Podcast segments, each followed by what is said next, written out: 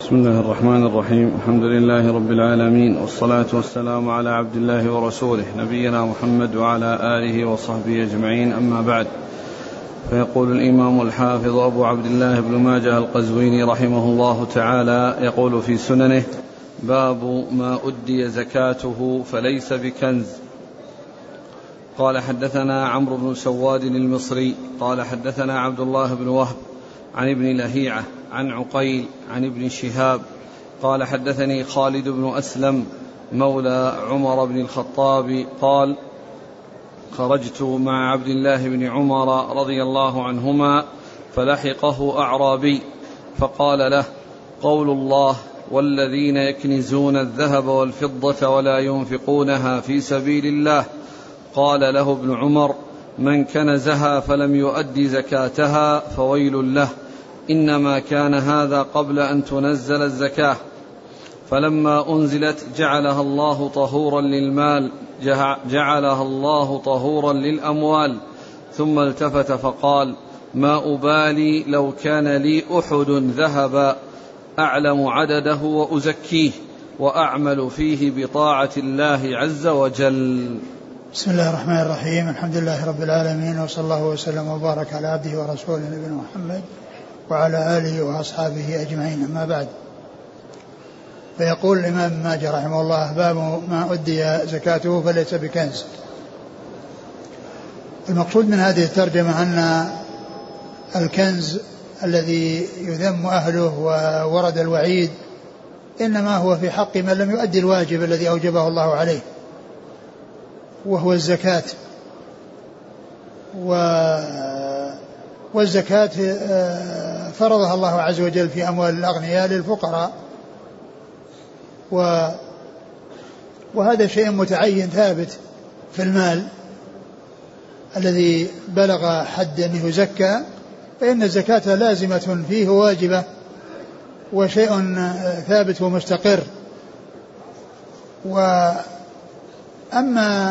ما يعني يلزم الإنسان من أمور أخرى فتلك أمور طارئة. يعني كشدة حاجة أو مسغبة أو يعني إطعام جائع أو يعني شيء أو إعارة الماعون وما إلى ذلك من الأشياء التي مطلوب التعاون فيها بين الناس ومطلوب إحسان الناس بعضهم إلى بعض.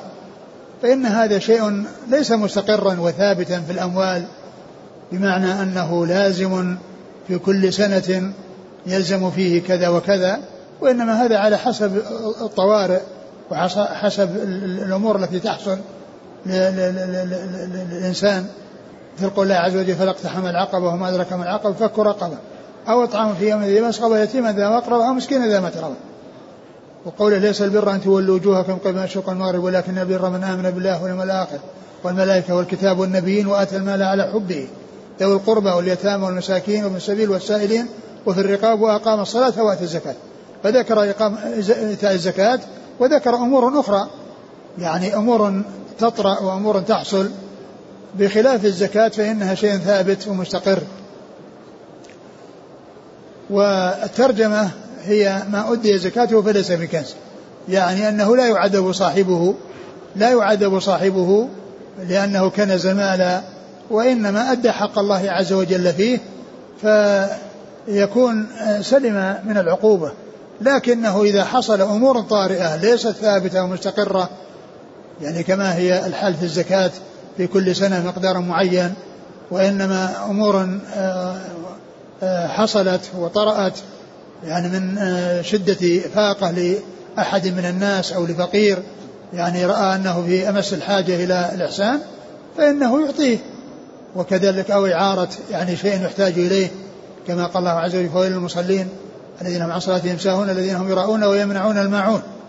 يعني لا يحصل منهم التعاون والإحسان فيما بينهم في الأمور التي يحتاج إليها الناس بعضهم مع بعض. ثم ورد حديث عبد الله بن عمر رضي الله تعالى عنه أن أنه لحقه أعرابي وقال قول الله عز وجل الذين يكنزون الذهب والفضة ولا ينفقونها في سبيل الله. قال يعني آآ آآ يعني يسأل يعني عن يعني عن عن قول الله عز وجل عبد الله بن عمر رضي الله تعالى عنه أجاب بأن بأن هذا كان قبل أن تفرض الزكاة. يعني قبل أن تفرض الزكاة يعني هناك حقوق غير معينة وغير محددة ولكنها لما فرضت صار الواجب هو هذا المقدار وما عدا ذلك فإنه يكون تطوعا ويكون إحسانا وبرا. والزكاة هي الشيء الثابت المستقر التي هي طهرة للمال. قال فإنها طهور للمال يطهر المال ويزكيه وينميه. ثم قال لا أبالي أن يكون لمثل أحد ذهبا آه، آه، أن يكون أحد أؤدي زكاته. أعلم عدده وأزكيه. أعلم عدده وأزكيه و أعمل فيه بطاعة الله. أعلم عدده وأزكيه وأعمل به بطاعة الله. يعني أنه يستعمله في نفسه فيما يعود عليه بالخير في طاعة الله عز وجل ويصرفه فيما يعود عليه بالخير وكذلك أيضا فيما يعود على الخير بنفسه أو بحاجة غيره من قريب أو محتاج شديد الحاجة يعني في أمور طارئة تحصل. بين وقت وآخر وأما الزكاة فهي الأصل الذي هو ثابت ومستقر والذي يلزم في كل سنة مقدار معين فرضه الله عز وجل في أموال الأغنياء يعطى للفقراء وهو طهرة للمال وتزكية له وحصول النفع للمخرج والمخرج إليه للمزكي والمدفوعة إليه الزكاة. نعم. قال حدثنا عمرو بن سواد المصري. عمرو بن سواد المصري صدوق ثقة ثقة أخرج له. مسلم والنسائي بن ماجه. نعم. عن عبد الله بن وهب. وموجود في تقريب ذكر أبي داود. موجود في التقريب ذكر أبي داود لكنه ليس في, في, في التهذيب وإنما هو في التقريب فكأنه يعني زيادة. و وقد ذكر في تهذيب التهذيب في تهذيب الكمال الذي ينص فيه على الأسماء بدون رموز قال أخرج له مسلم والنسائي وابن ماجه. نعم. عن عبد الله وفيه أيضا أنه بصري في التقريب وهو مصري وليس ببصري والبصري والمصري متقاربات في اللفظ وفي الرسم فيحصل التصحيف بينهما. يحصل التصحيف بينهما. بين المصري والبصري. فقد يعني يحرف المصري إلى أن يكون بصري وقد يحرف البصري أن يكون مصري. مثل ما هنا فإنه في التقريب جاء في المطبوعة أنه البصري وهو المصري. هو مصري مصري.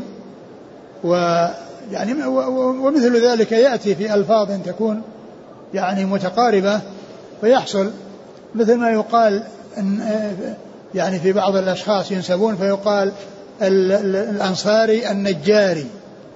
يحصل تصحيف البخاري بدل النجاري. الأنصاري البخاري بدل النجاري.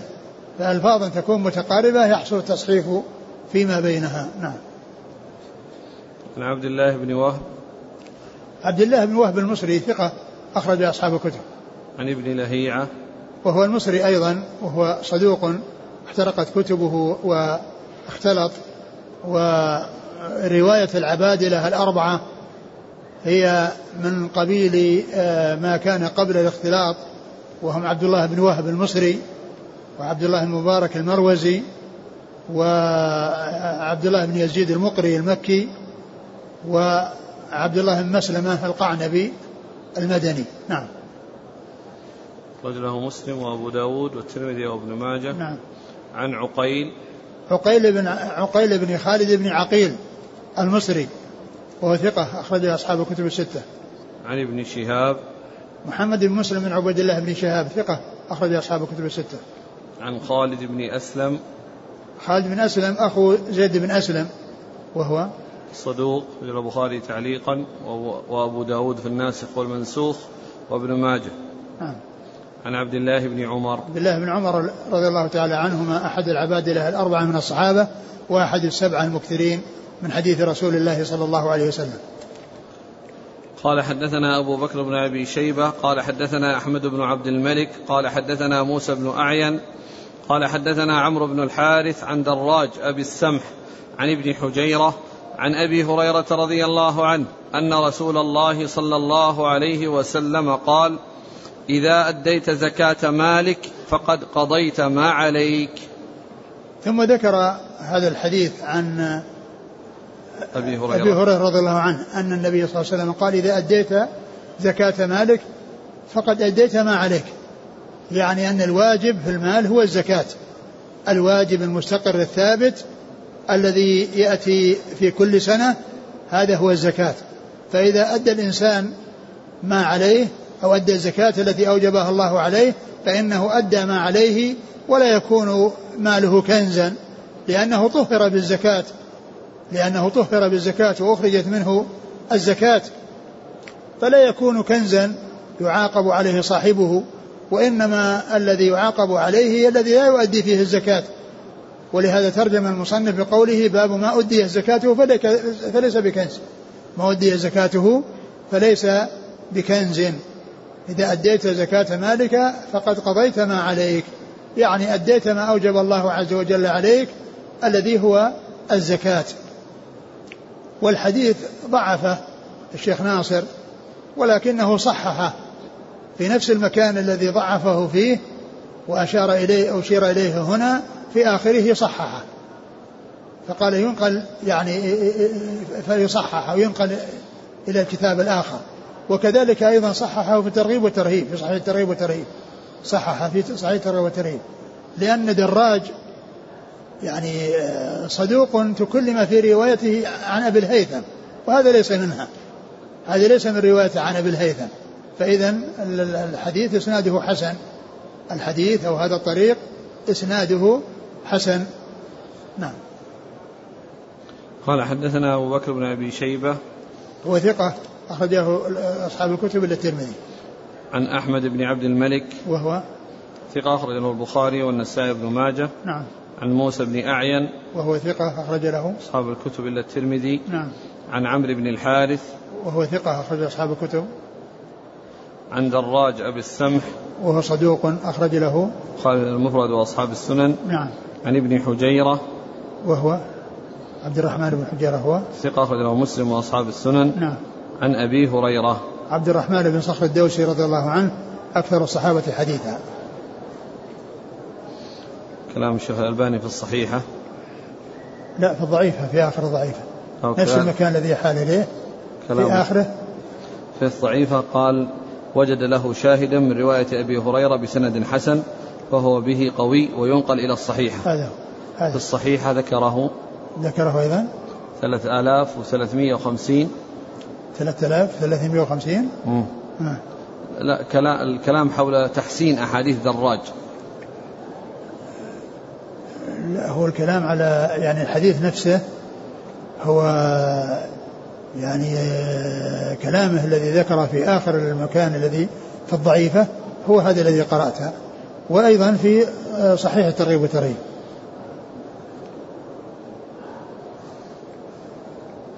يعني صححه وأنكر على بعض الأشخاص اللي يعني علقوا على على المنذري نعم. كلامه في الصحيحة حول تحسين أحاديث دراج. أيوة. يقول أبو السمح دراج مختلف فيه وثقه ابن معين وغيره وضعفه أحمد وغيره وفصل فيه بعضهم.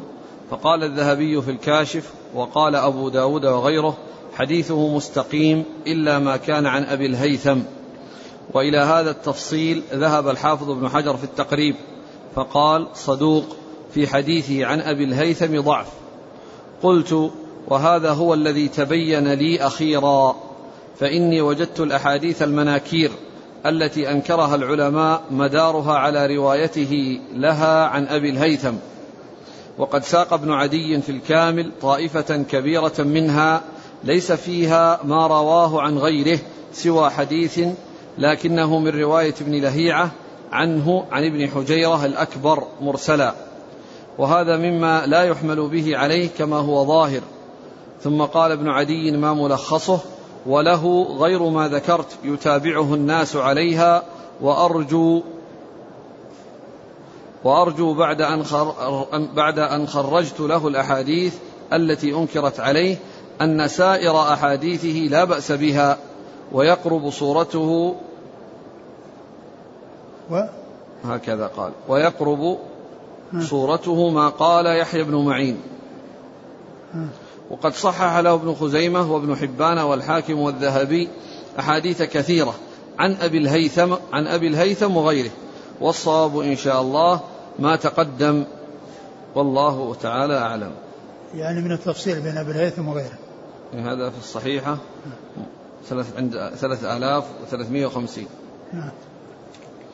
قال رحمه الله قال حدثنا علي بن محمد قال حدثنا يحيى بن آدم عن شريك عن أبي حمزة عن الشعبي عن فاطمة بنت قيس رضي الله عنها أنها سمعته تعني النبي صلى الله عليه وسلم يقول ليس في المال حق سوى الزكاة ثم ذكر هذا الحديث ليس في المال حق سوى الزكاة وجاء الحديث من طريق أخرى وفيه إن في المال حقا سوى الزكاة. فيكون يعني مقابل يعني لهذا لأن هذا يثبت أن في حق سوى الزكاة وهذا يثبت وهذا يقول أنه ليس في المال حق سوى الزكاة. يعني فهما متقابلان. وفي إسنادهما أبو حمزة هذا ميمون الذي ضعف به ولكن اللفظ الثاني أقرب يعني لأن المال فيه حقوق غير الزكاة يعني حقوق يعني الأقارب وحقوق ال يعني ال ال يعني ال إكرام الضيف ويكون فيه يعني أمور طارئة يعني ليست أمور ثابتة مستقرة يعني كالزكاة التي هي لازمة يعني في كل حول مقدار معين بنسبة معينة وإنما هذه أمور طارئة تحصل و والإنسان يجب عليه أن أنه يحسن يعني في حيث يلزمه الإحسان فيكون في المال حق سوى الزكاة في أمور تطرأ. وهذا اللفظ يعني من حيث المعنى يعني يدل عليه الآية الكريمة التي ليس البر أن تولوا وجوهكم لأنه ذكر الزكاة وذكر غيرها من الحقوق للأقارب وغيرهم. كذلك فلا اقتحام العقبة وما ذلك فك أو طعام في يوم ذي مسغبة يتيما ذا مقرة أو مسكينا ذا متربة ويل المصلين الذين عن صلاتهم ساهون الذين هم يرؤون ويمنعون المعون. فيكون ذلك أقرب ولكنه ما ثبت فيه. يعني الحديث الذي ورد في هذا وفي هذا فيه أبو حمزة هذا الضعيف ولكنه ثبت عن عن عن الشعبي. ثبت من قول الشعبي وهو أقرب من الحديث الذي فيه النفي. يعني الإثبات أقرب من النفي لأن هذا هو الواقع وهذا الذي جاء في النصوص. نعم.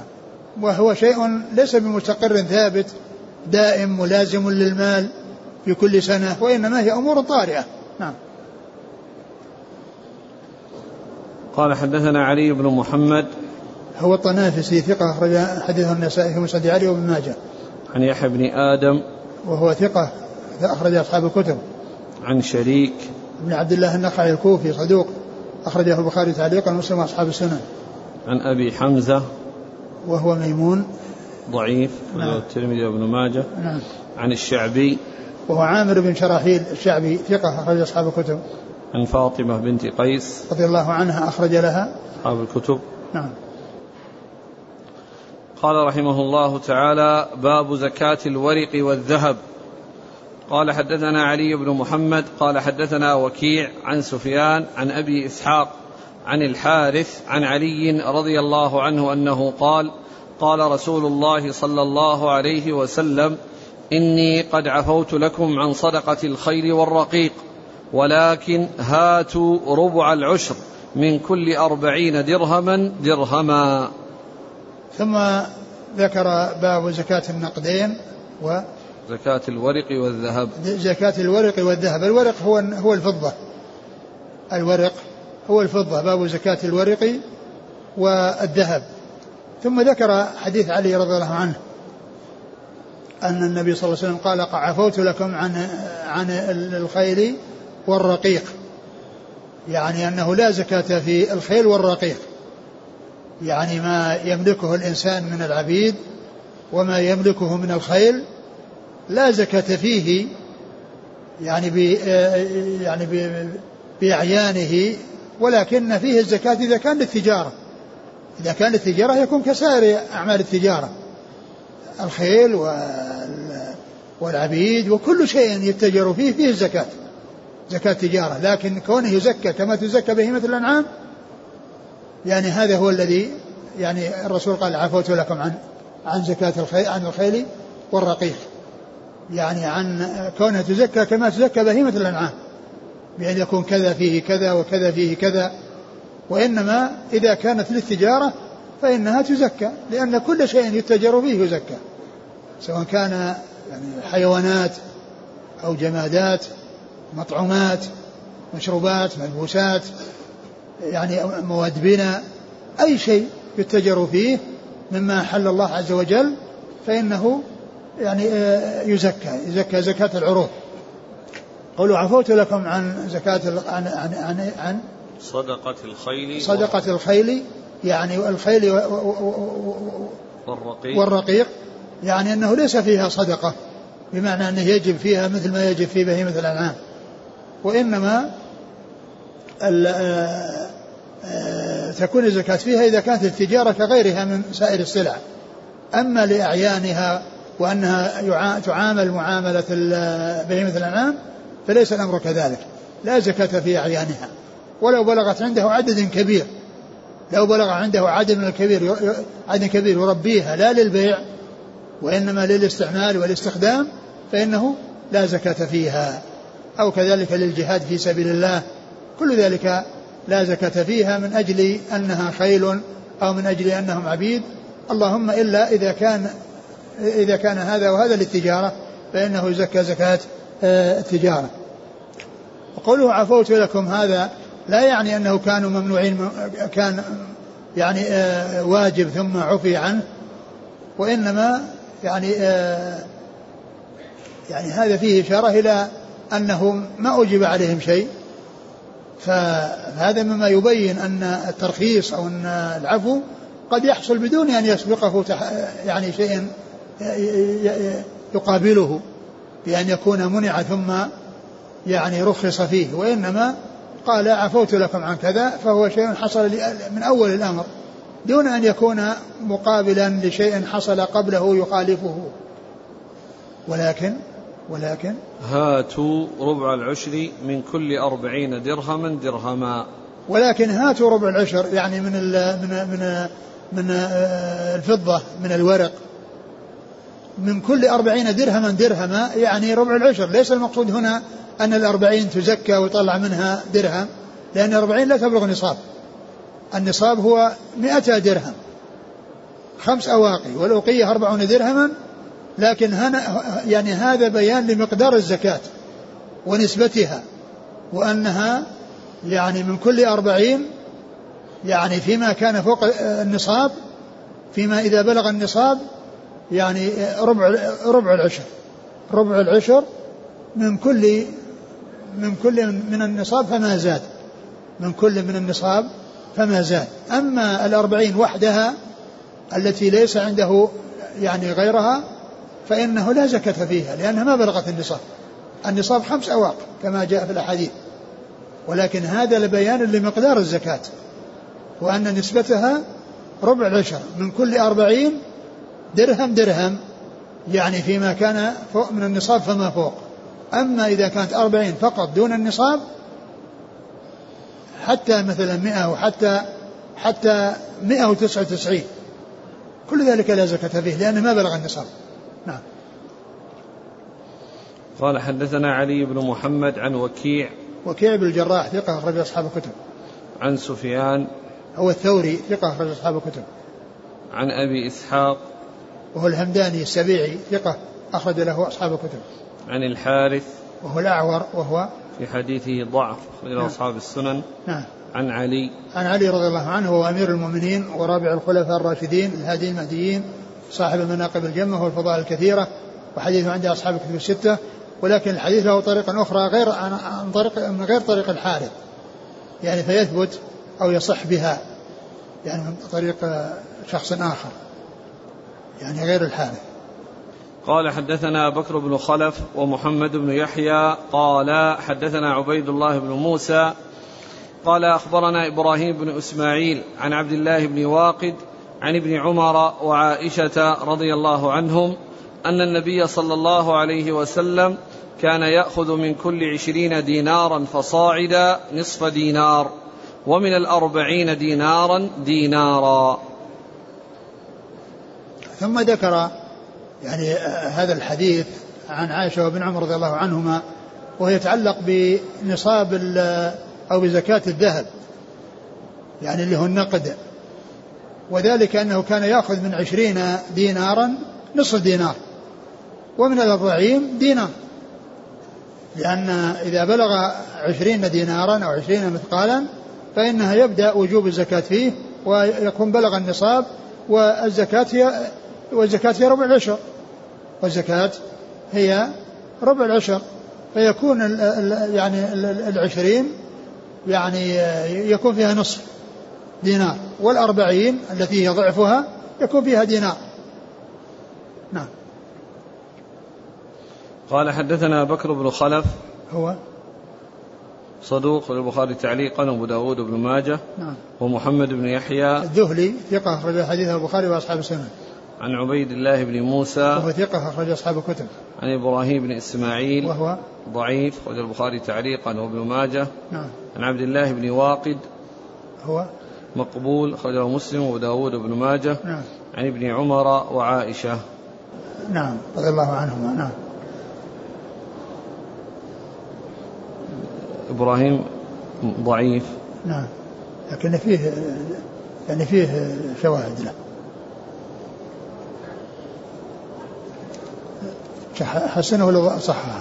صححه. نعم. قال رحمه الله تعالى باب من استفاد مالا. قال حدثنا نصر بن علي الجهضمي. قال حدثنا شجاع بن الوليد. قال حدثنا حارثة بن محمد عن عمرة عن عائشة رضي الله عنها أنها قالت سمعت رسول الله صلى الله عليه وسلم يقول لا زكاة في مال حتى يحول عليه الحول. ثم ذكر باب من استفاد مالا. يعني أنه إنسان حصل مالا فإنه يبدأ يعني يحسب إذا بلغ نصابا. من حين ما يبلغ النصاب يبدأ يحسب حول. فإن الزكاة لا تجب في المال يعني مباشرة من حين ما يملك الإنسان وإنما إذا مضى عليه حول. إذا مضى عليه حول يعني سواء في النقدين أو في يعني بهيمة الأنعام أو في زكاة العروض أما بالنسبة للخارج من الأرض فهو إذا جاء الحصاد. إذا جاء الحصاد والجذاذ سواء كان مضى عليه حول أو أقل من حول. المهم أنه عند الحصاد والجذاذ يؤدى حقه وتجب الزكاة فيه. أما ما عدا ذلك فلا, فلا بد من حول. سنة كاملة. يعني سنة كاملة عندما يحول الحول ويدور سنة على المال وهو يملكه وقد بلغ النصاب. أما إذا لم يبلغ نصابا أو ملك مالا لم يبلغ نصاب كأن يكون مثلا ملك له عشرين من الغنم ثم بعد ذلك بعد نصف سنة ملك عشرين أخرى. فيبدأ يحسب حول من بلغت أربعين. من حين بلغت أربعين من حيث حين بلغ النصاب يبدأ يحسب حول. وإذا وإذا كان ال ال ال السائمة نتجت وصار لها أولاد فإنه عندما يولد إذا كان تسعة وثلاثين وولد يعني ولدت واحدة فإنها تكمل الأربعين فيبدأ يحسب من هذا الذي يعني آه الذي ولد وكمل به الأربعين. يبدأ يحسب حول. قبل أن تكون قبل أن يولد هذا أو قبل أن يأتي بشاة يأتي بها من خارج ثم يضمها إلى 39 ما عنده نصاب. لأن عنده 39 وهذه ليس ليس ليس نصاب. لكن من حين يبلغ 40 يبدأ يحسب نصاب. يحسب حول.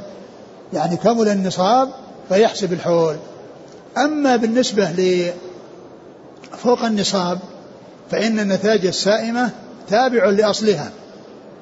مثل الربح في التجارة. الربح في التجارة لا لا لا يشترط أن يحول عليه حول وإنما حوله حول أصله.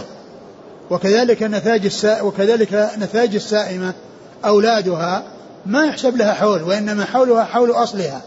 إذا كانت فوق النصاب. إذا كانت فوق النصاب. أما إذا كان دون النصاب فكما قلت عندما يأتي أو يولد يعني أو تلد واحدة فإن يبدأ يحسب الحول. فإنه يبدأ يحسب الحول من من من حصول تمام. لكن عندما يكون في في, في, في المقدار الثاني مو بالأول الذي فوق النصاب لأن يكون مثلا أربعين من الغنم فيها شاة. فإذا إلى 120 ليس فيها إلا شاة. لكن لو أنه ولد عند تمام الحول يعني واحدة ولدت واحدة صارت 121 فإن حولها حول أصلها. يعني ما يقال أن حتى يحول حولا على هذا المقدار الثاني أو على هذا الزايد على الأربعين بل إلى 120 هذا ما فيه إلا شاة واحدة. فإذا زادت واحدة ففيها شاتان. فإذا ولدت قبل الحول بيوم فإنها تزكى ثنتين لأن نتاج السائمة حوله حول أصله. لا يقال أنه يبدأ يحسب حول جديد وهذا بخلاف النصاب الأول.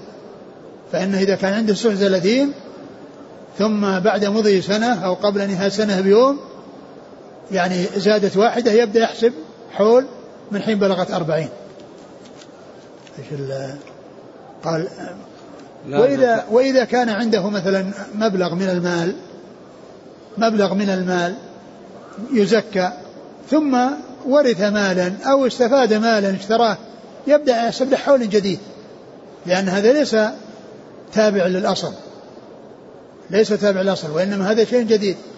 يبدأ يحسب له حولا جديدا لأنه ليس ربح تجارة. أما ربح التجارة فحوله حول أصله بمعنى أنه إذا كان رأس المال مئة ألف ثم بعد بلوغ السنة صارت مئة وخمسين ألف مئة أصل وخمسين ربح فإن الكل يزكى.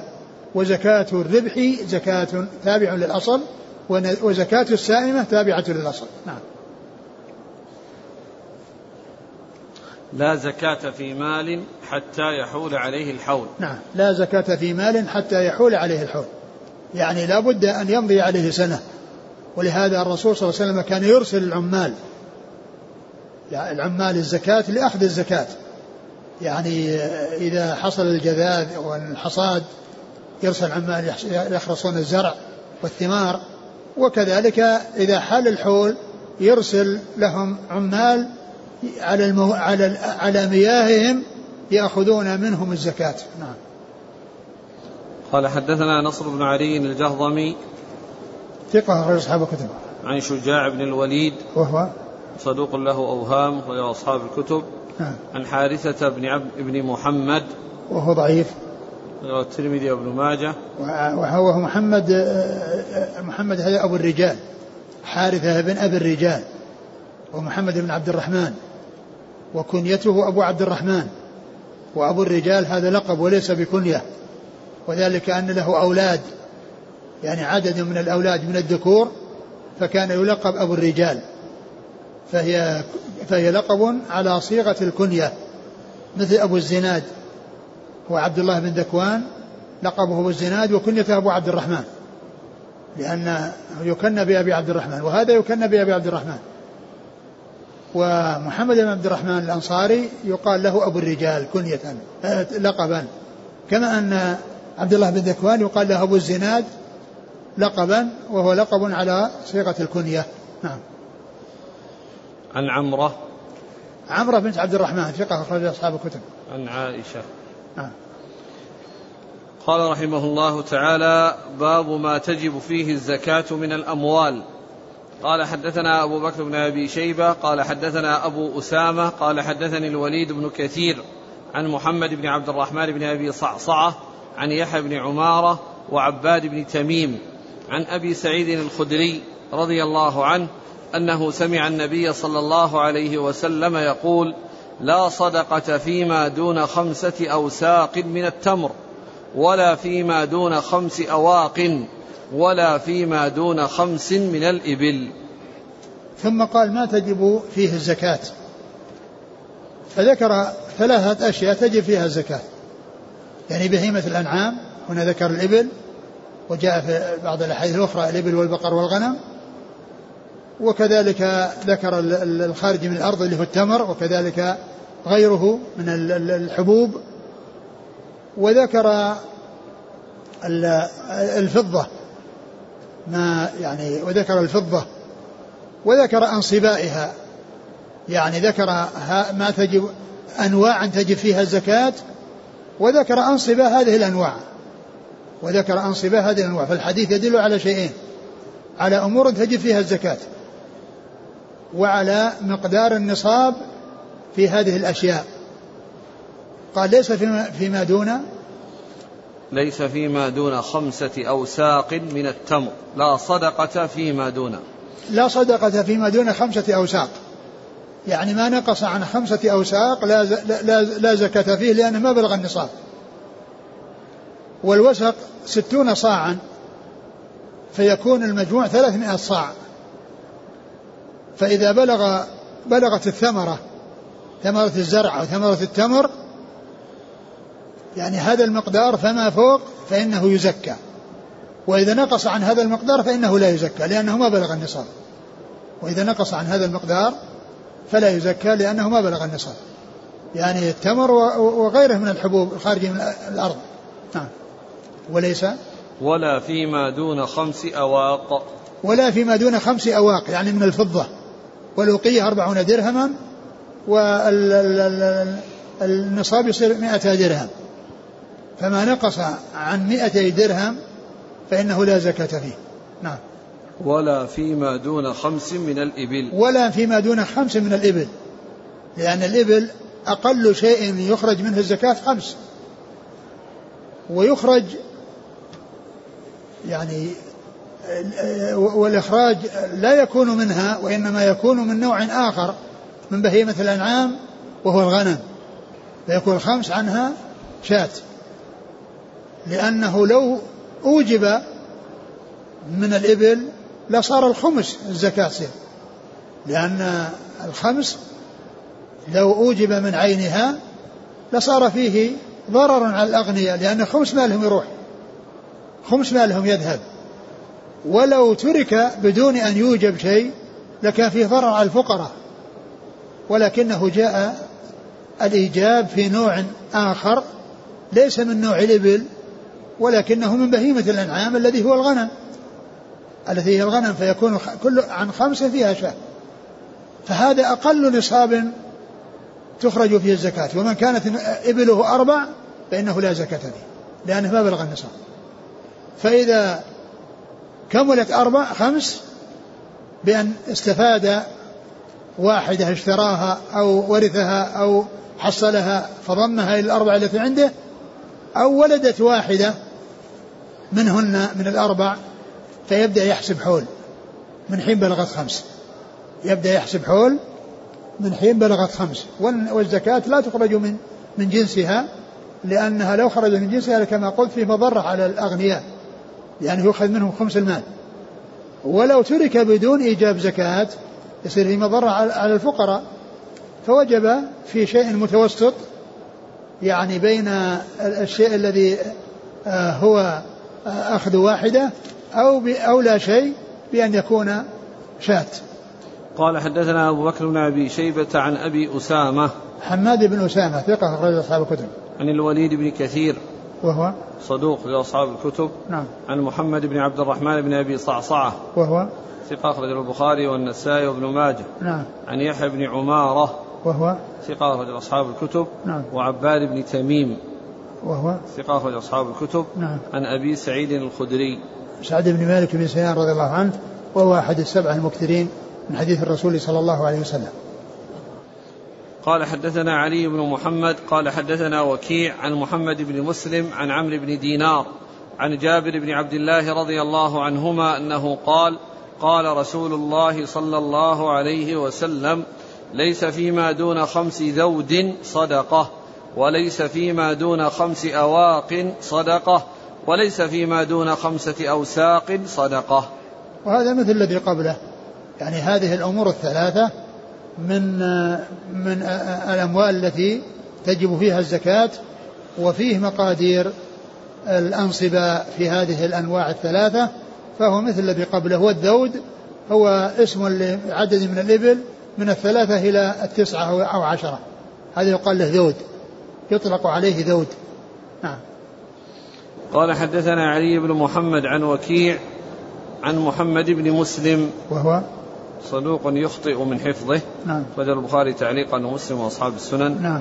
عن عمرو بن دينار. عمرو بن دينار ثقة أخرج أصحاب الكتب.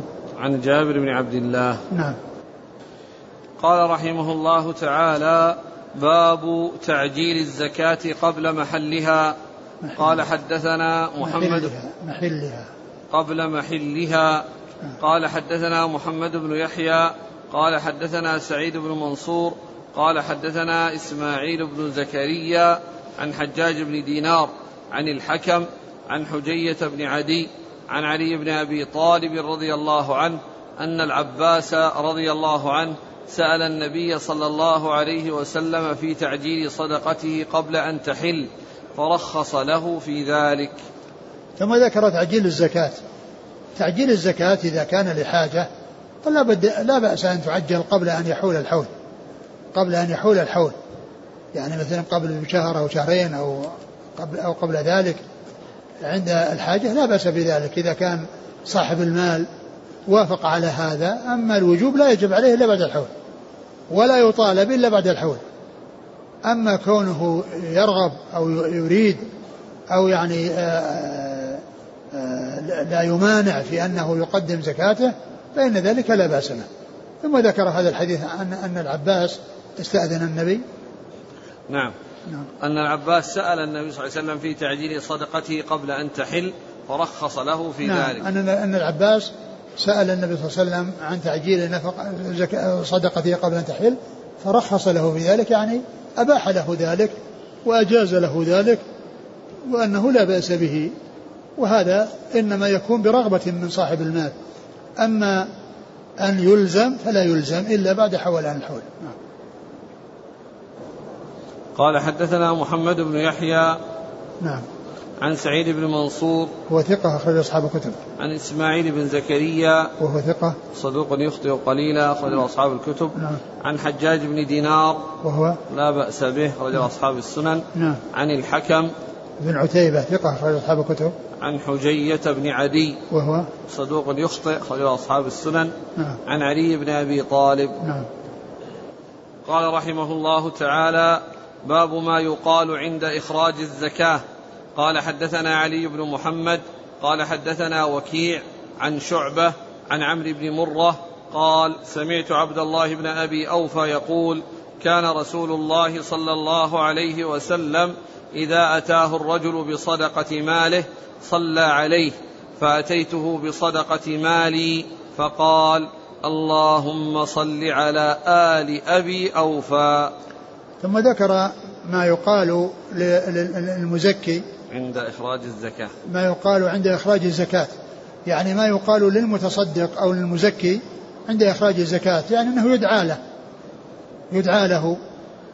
فأورد في هذا الحديث عبد الله بن أبي أوفى أن النبي صلى الله عليه وسلم كان إذا جاءه أحد بزكاته صلى عليهم أي دعا لهم. وأنه أتى بصدقة أهله فقال اللهم صل على آل أبي أوفى. اللهم صل على آل أبي أوفى. وهذا دعاء. وهذا دعاء يعني آه، لأن صلاة الله عز وجل هي الثناء على المصلى عليه في الملأ الأعلى.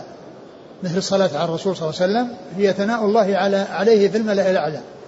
والصلاة والصلاة على يعني غيره هي الثناء لأن الصلاة صلاة الله عز وجل هي ثناؤه في الملأ الأعلى سواء على الرسول صلى الله عليه وسلم أو على غيره أو على الأنبياء أو على من يلحق بهم ويصلى عليهم تبعا لهم أو استقلالا كما في جاء في, في هذا الحديث.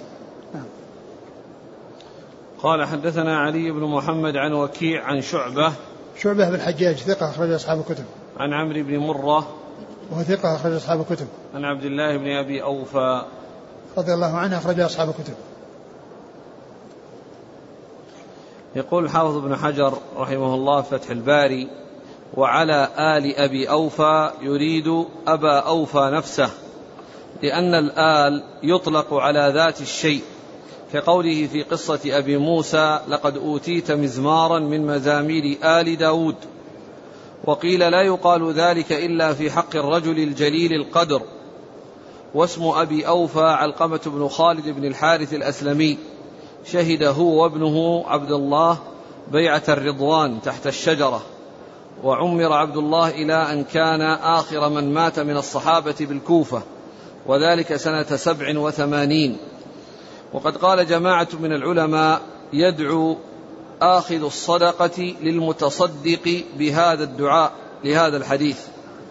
وأجاب الخطابي قال أصل الصلاة الدعاء إلا أنه يختلف بحسب المدعو له.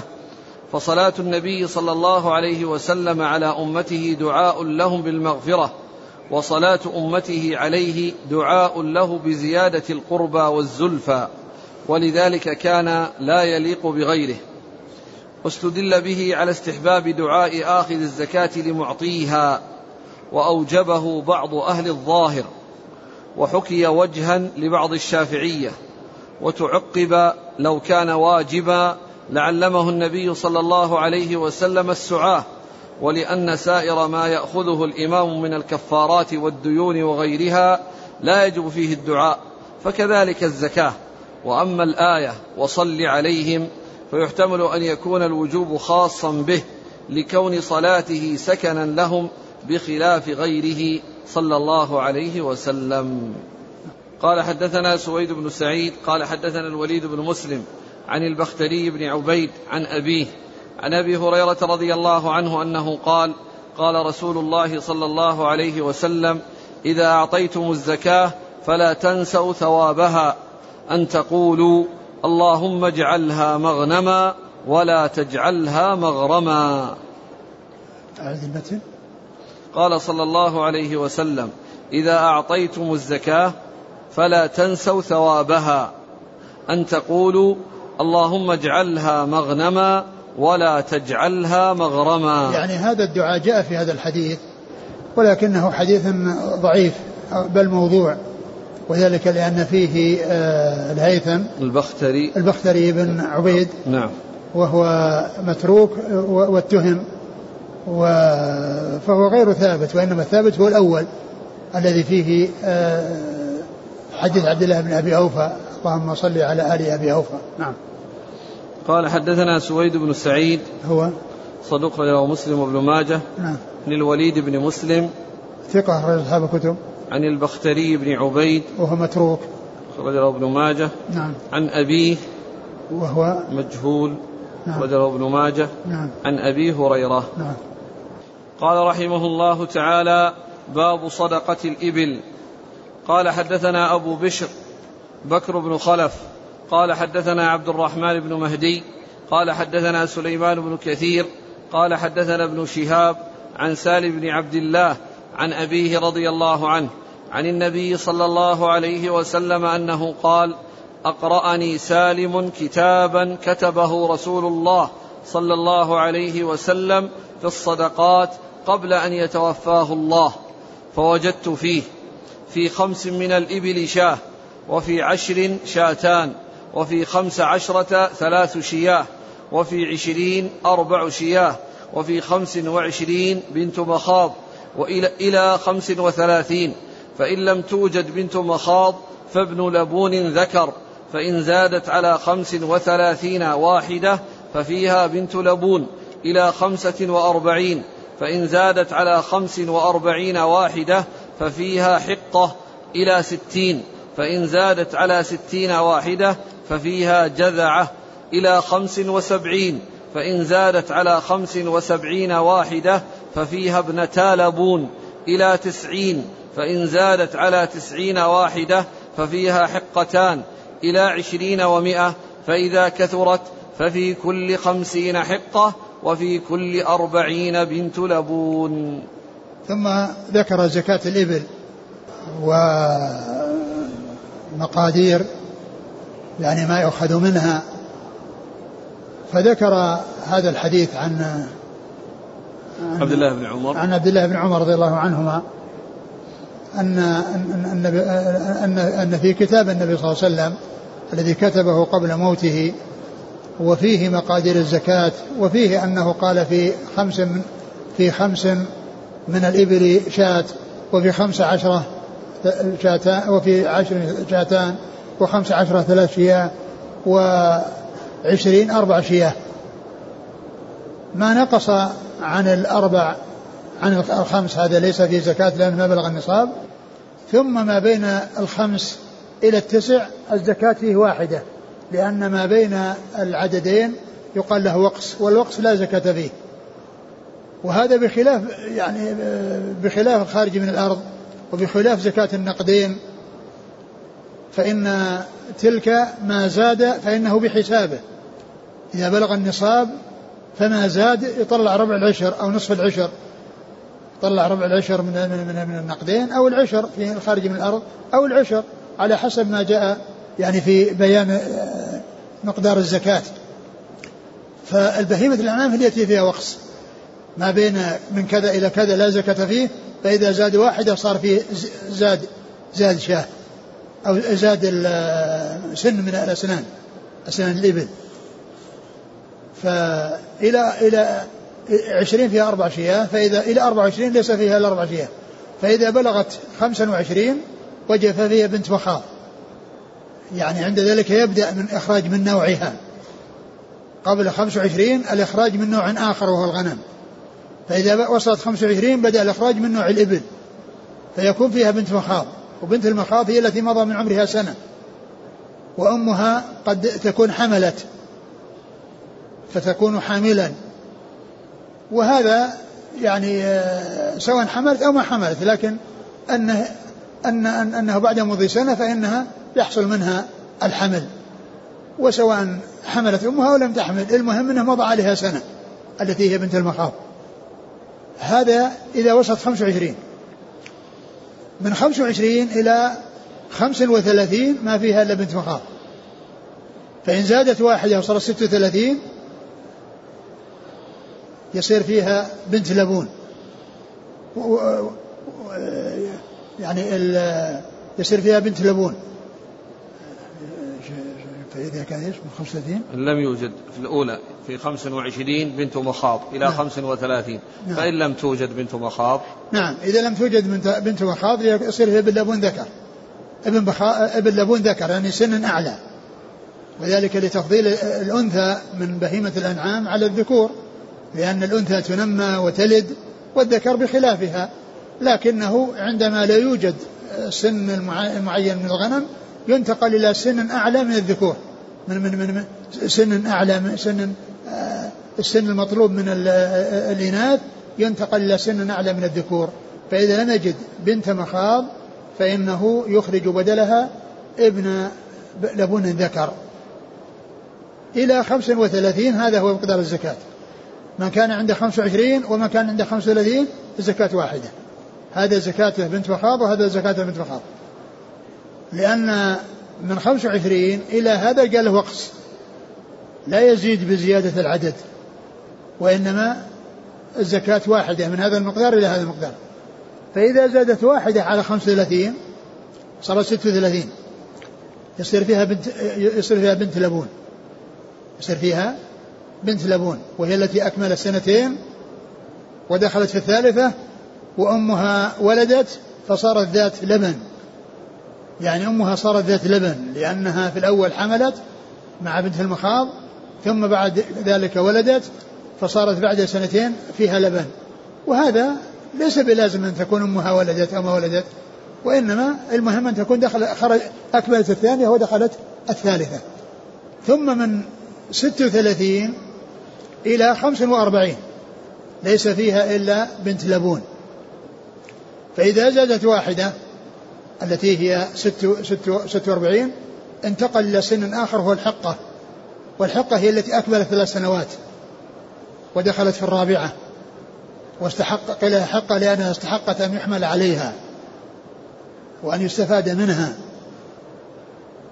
ثم من ست وثلاثين من 46 إلى 60 ليس فيها إلا حقة.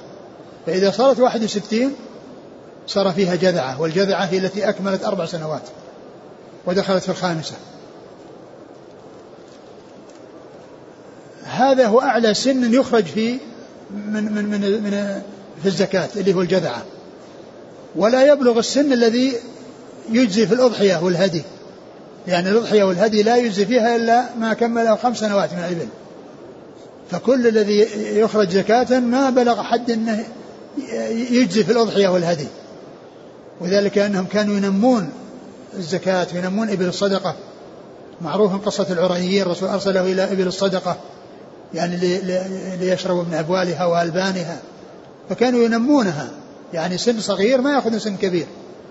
فكلها من بنت مخاض إلى إلى جذعة. على سن يؤخذ هو الجذعة. ثم من من من 61 إلى 75 ليس فيها إلا جذعة. فإذا صارت 76 يخرج بنتا لبون يعني يكرر العدد يضاعف. يعني بنتا لبون يعني في 76 ثم من 76 إلى 90 فيها بنت لبون. فإذا زادت واحدة صارت 91 صار فيها حقتان. إلى 120 ثم بعد ذلك تستقر الفريضة. لأن إذا صارت 120 يصير فيها ثلاث ثلاث بنات لبون. 40 و40 و40 تستقر الفريضة في كل أربعين بنت لبون وفي كل خمسين حقة. فهذه هي تفاصيل الزكاة. فإذا وصلت مئتين إما أن يخرج يعني خمس بنات لبون أو أربع حقاق لأنه يتساوى العددان هذا اللي يسمونه المضاعف المشترك البسيط. في الحساب وهو أكبر أقل عدد ينقسم على اثنين بدون باقي. أقل يعني عدد ينقسم على على يعني على عددين بدون باقي. فأربعين وخمسين أقل عدد ينقسم عليهما جميعا بدون باقي هو هو مئتان. وهكذا كلما زاد. فإذا صارت 120 صار فيها ثلاث بنات لبون. أربعين وأربعين وأربعين. وإن زادت عشر صارت يعني 130 صار فيها بنت لبون وحقة. أربعين أربعين خمسين. وإن صارت 150 صار فيها ثلاث ثلاث حقاق. و160 فيها أربع بنات لبون وهكذا تمشي.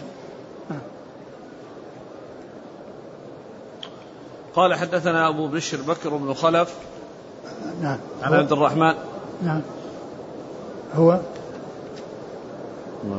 ثقة صدوق أخرج البخاري تعليقا وأبو داود وابن ماجه. نعم. عن عبد الرحمن بن مهدي. ثقة أخرج أصحاب الكتب. عن سليمان بن كثير. وهو؟ لا بأس به في غير الزهري. نعم. أخرجه أصحاب الكتب. عن ابن شهاب. نعم. نعم. عن سالم عن أبيه نعم عن سالم بن عبد الله بن عمر رضي الله تعالى عنهما وهو ثقة أخرج أصحاب الكتب. عن أبيه ولكن الحديث يعني جاء يعني في حديث حديث أنس الذي سيأتي. يعني مشتمل على على على هذا التفصيل. قال حدثنا محمد بن عقيل بن خويلد النيسابوري. قال حدثنا حفص بن عبد الله السلمي قال حدثنا إبراهيم بن طهمان عن عمرو بن يحيى بن عمارة عن أبيه عن أبي سعيد الخدري رضي الله عنه أنه قال قال رسول الله صلى الله عليه وسلم ليس فيما دون خمس من الإبل صدقة.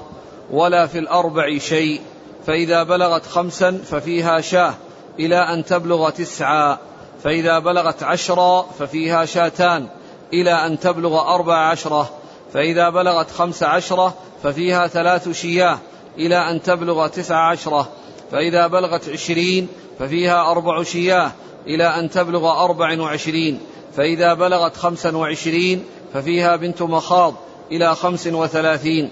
فإذا لم تكن بنت مخاض فابن لبون ذكر فإن زادت بعيرا ففيها بنت لبون إلى أن تبلغ خمسا وأربعين. فإن زادت بعيرا ففيها حقة إلى أن تبلغ ستين. فإن زادت بعيرا ففيها جذعة إلى أن تبلغ خمسا وسبعين. فإن زادت بعيرا ففيها بنتا لبون إلى أن تبلغ تسعين. فإن زادت بعيرا ففيها حقتان إلى أن تبلغ عشرين ومائة ثم في كل خمسين حقة وفي كل أربعين بنت لبون. وهذا مثل الذي قبله. قال حدثنا محمد بن عقيل بن خويلد. هو. صدوق رجل أبو داود في الناسخ والمنسوخ نعم. والنسائي بن ماجه. نعم. عن حفص بن عبد الله السلمي. وهو. صدوق رجل البخاري وأبو داود والنسائي بن ماجه. نعم. عن إبراهيم بن طهمان. وهو. ثقة أخرج أصحاب الكتب. نعم. عن عمرو بن يحيى بن عمارة. هو. ثقة أخرج أصحاب الكتب. عن أبيه. نعم. ثقة أخرج أصحاب الكتب عن أبي سعيد الخدري. نعم. قال رحمه الله تعالى باب إذا أخذ المصدق سنا دون سن أو فوق سن. قال حدثنا محمد بن بشار ومحمد بن يحيى ومحمد بن مرزوق قالوا حدثنا محمد بن عبد الله بن المثنى قال حدثني أبي عن ثمامة قال حدثني أنس بن مالك رضي الله عنه أن أبا بكر الصديق رضي الله عنه كتب له بسم الله الرحمن الرحيم. هذه فريضة الصدقة التي فرض رسول الله صلى الله عليه وسلم على المسلمين التي أمر الله بها رسول الله التي أمر الله بها رسول الله صلى الله عليه وسلم. فإن من أسنان الإبل في فرائض الغنم من بلغت عنده من الإبل صدقة الجذعة. فإن؟ فإن من أسنان الإبل نعم. في فرائض الغنم.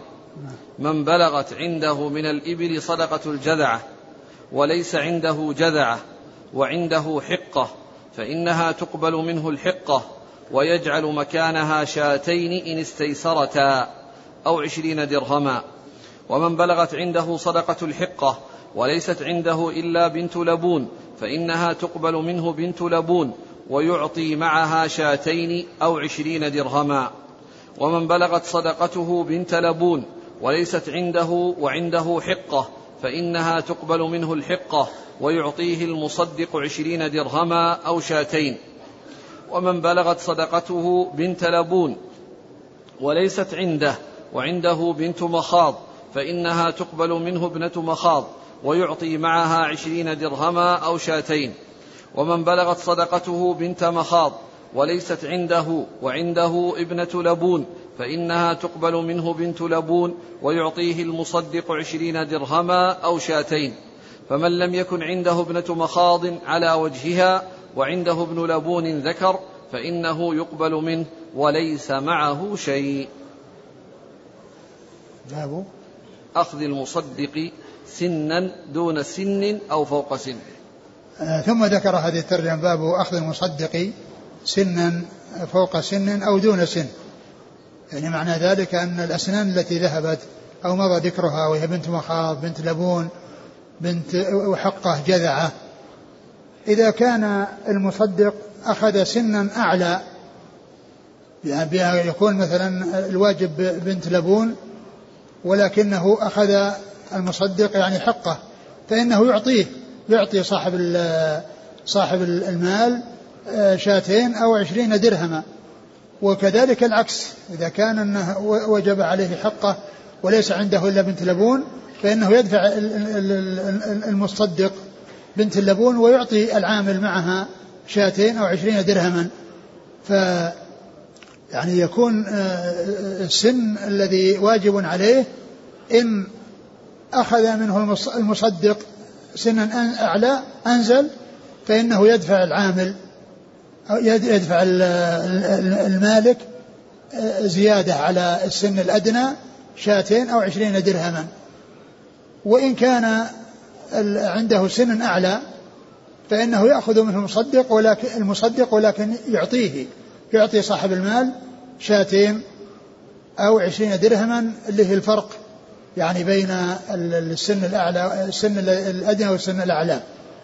يعني هذا هو وهذا يعني كان في ذلك الوقت ان ان إن الشاتين يعني تساوي يعني عشرة دراهم. الشاة تساوي عشرة عشرة دراهم. نعم. إلا في بنت مخاض يغني عنها ابن لبون. نعم إلا بنت مخاض يغني عنها ابن لبون بدون مقابل كما كما مر فإن لم يجد آه فإن لم يجد آه بنت مخاض أخذ ابن لبون ذكر. نعم. قال حدثنا محمد بن بشار ثقة أخرج أصحاب الكتب. ومحمد بن يحيى ومحمد بن مرزوق. محمد مرزوق هو؟ صدوق له أوهام أخرجه مسلم والترمذي وابن ماجه. نعم. عن محمد بن عبد الله بن المثنى. ثقة أخرج أصحاب الكتب. عن أبيه.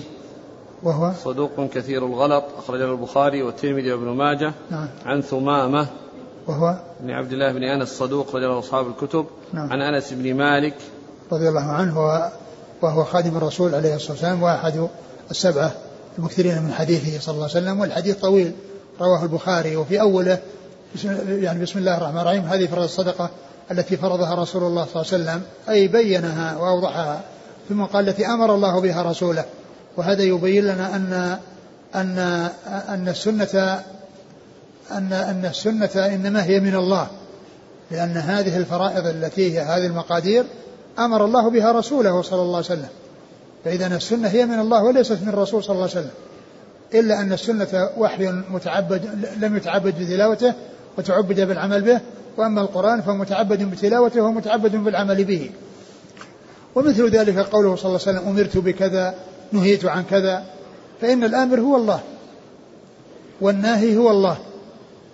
فهذا يبين لنا أن السنة هي ليست من النبي صلى الله عليه وسلم وإنما هي من عند الله كما قال الله عز وجل وما ينطق عن الهوى إن هو إلا وحي يوحى ثم إنه ذكر اختصر يعني الترمذي رحمه ابن ماجه اختصر جاب على ما يطابق الترجمة إذا كان زنا زايد زنا وأما التفاصيل الأخرى فتركها ولم يتعرض لها والحديث طويل رواه البخاري في صحيحه.